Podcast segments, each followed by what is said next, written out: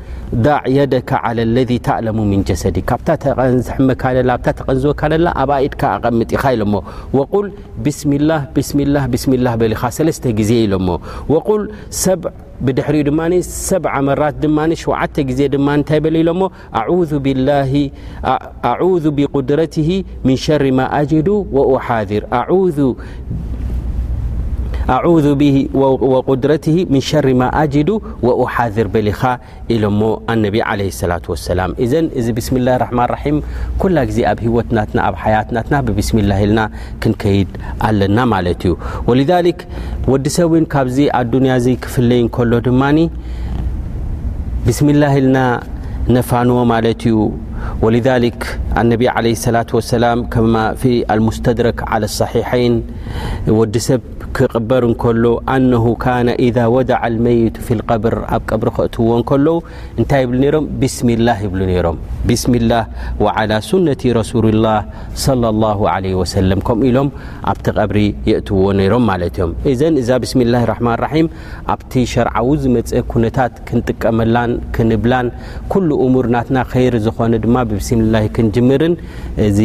እቲ ዝተፈትዎ ዩ ማለት እዩ ላኪን ከም ተንቢህ ከም ሓበሬታ ክሕበር ዘለዎ ማለት እዩ እንታይ ኣሎ ኩላ ግዜ እታ ብስሚላ ራሕማን ራሒም ማለት ኣብቲ ሸርዓዊ ዝኾነ ቦታ ኣብኡ ኢና ክንብላ ዘለና ማለት እዩ ኣብቲ ደይ ተዘከረሉ ኩነታት ድማ ክንብላ የብልናን ማለት እዩ ምክንያቱ ኣነቢ ለ ሰላት ወሰላም መን ኣሕደث ፊ ኣምሪና ሃذ ማ ለይሰ ምንሁ ፈህዋ ረድ ኢሎም ወይ ድማ ኣብ ካልእ ርዋያ ድማ መን ዓሚላ ዓመል ለይሰ ዓለይ ኣምሩና ፈህዋ ረድ ኢሎም ስለዚ ኣብታ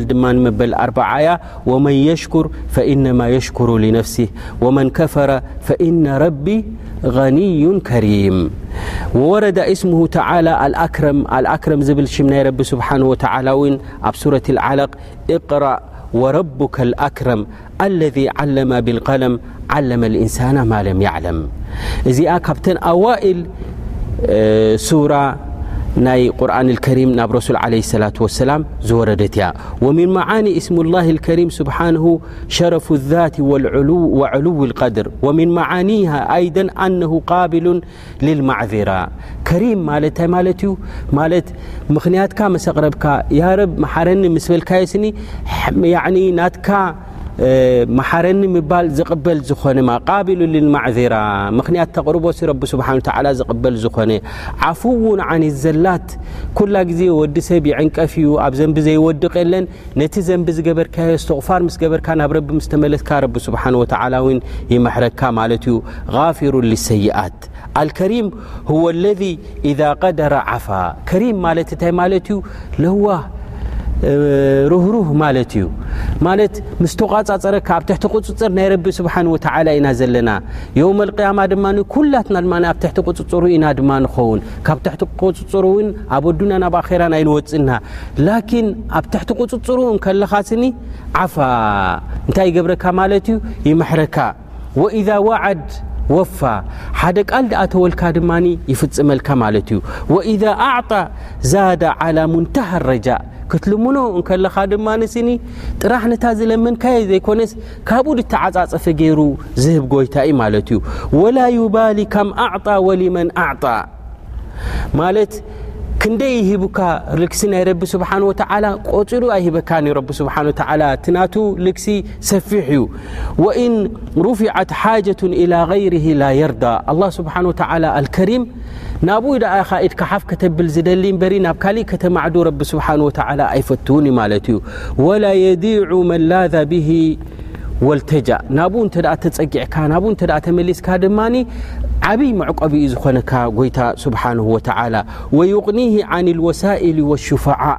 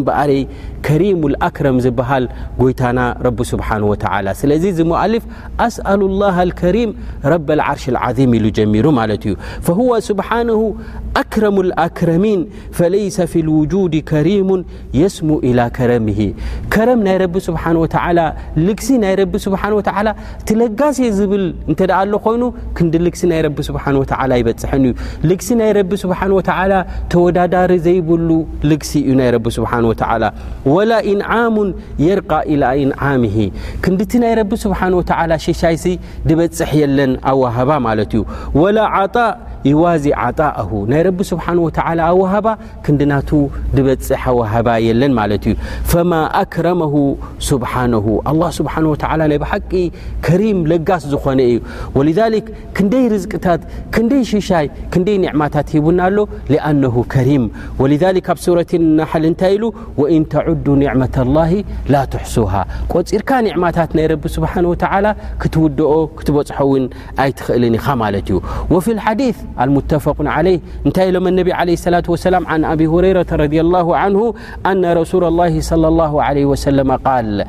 ልግሲ ናይ ረቢ ከረም ናይ ረቢ ስብሓንሁ ወተዓላ ክገልፁ ከለዉ ኣነቢ ዓለ ሰላት ወሰላም እንታይ ኢሎም የዱ ላሂ መልኣ ኢሎም ኢድ ናይ ረቢ ሙሉእ ኢሎም ጉድለት የብሉ ናይ ረቢ ስብሓ የዱ ላሂ መልኣ ላ የغዱሃ ነፈቀቱ ሰሓ ኢሎም ኣይ ላ ተንቅሱሃ ነፈቃ ናይ ረቢ ስብሓን ወተዓላ ኢዱ ኩላ ግዜ ሙሉእ እዩ ተሃበ ተዓደለ እውን ዘይጎድል ዝኾነ እዩ ናይ ረቢ ስብሓን ወተዓላ ላ የغዱሃ ነፈቀቱ ሰሓ ሰሓ ማለት እንታይ ማለት እዩ ከረቱ ሰብ ማለት ተሃበ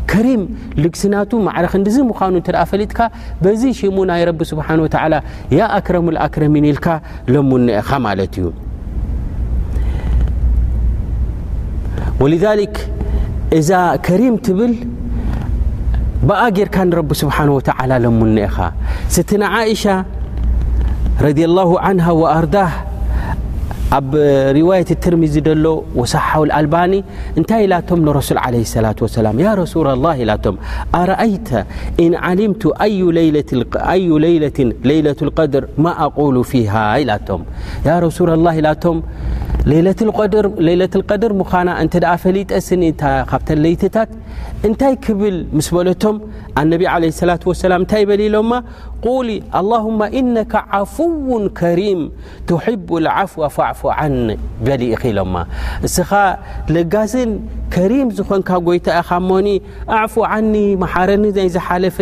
ኩሉ ነገራት ዓፉ በለኒ ኢኻ ኢልኪ ንረቢ ክለምኒ ኢሎማ ኣላሁማ ኢነካ ዓፉውን ከሪም ናብታ ከሪም ናብኣ ከም ትማዕዱ ገይሮማ ማለት እዮም እዘን እዛ ከሪም ትብል እቶም ቀዳሞት ዝነበሩ ሰለፍ ማዕና ናታ እስትሽዓር ስለ ዝገበሩ ንረቢ ስብሓን ወተዓላ ክልምንዎ ከለዉ ብከሪም ይልምንዎ ነይሮም ማለት እዮም ወልዛሊክ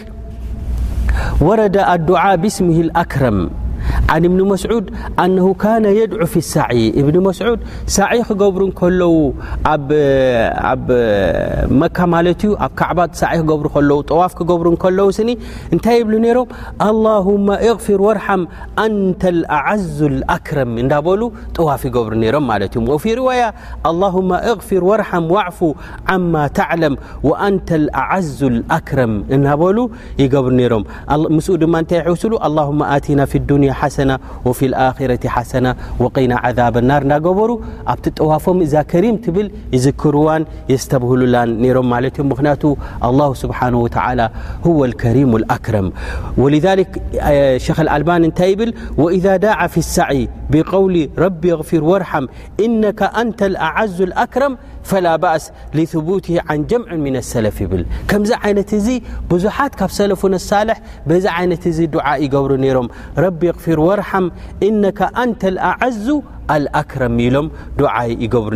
ኣ مناسك ني حج وعر شخ الألبان نر نل ومن الدعاء بالوصف ما رواه أبو دود وصحه خ الألبان من حديث عمر بن العص رضي الله عنه أن النبي صلى الله عليه وسلم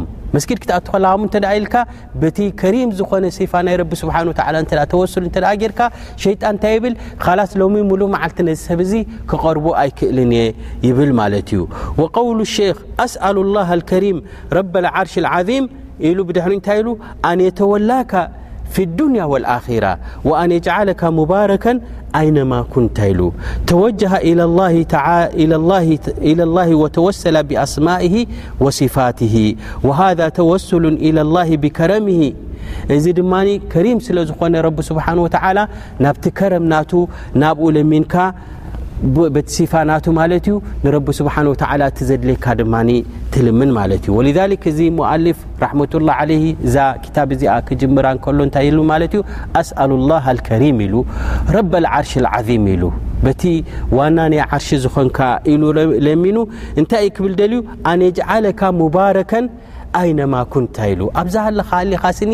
ረቢ ሙባረክ ይግበርካ ኢሉ እዚ ሙባረክ ይግበርካ እዚ በረካ እዚ ክንትንትኖ ኢና ዓብይ ዝኾነ ዘረባ እዩ ማለት እዩ ላኪን ብምንታይ ለሚኑ ማለት እዩ ረብ ዓርሽ ዓዚም ኢሉ ወሰፈ ላሁ ዓርሸሁ ብኣነሁ ዓዚም ረቡና ዘ ወጀል እውን ነዚ ዓርሽ እዚ እዚ ዓብይ መክሉቅ እዚ ድማ ዓዚም ኢሉ ረቡና እውን ወሲፍዎ እዩ ማለት እዩ ኣብ ሱረት ተውባ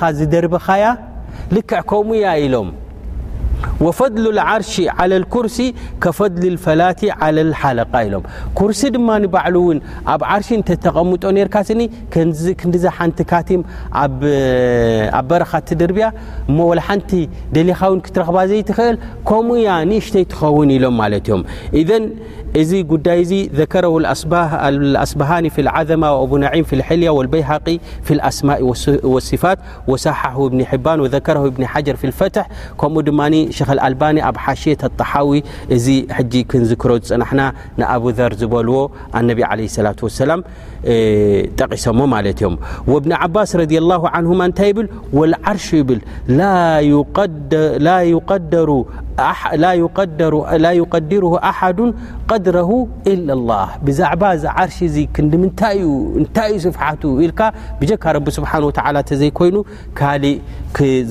ክበፅሖ ዝኽእል የለን ይብሉ ማለት እዮም ትሕዝቶ ናይቲ ትምህርቲ እንሻላህ ኣብ ዝቅፅል ክንርኢ ኢና ወሰለ ላሁ ወሰለማ ዓላ ነብይና ሙሓመድ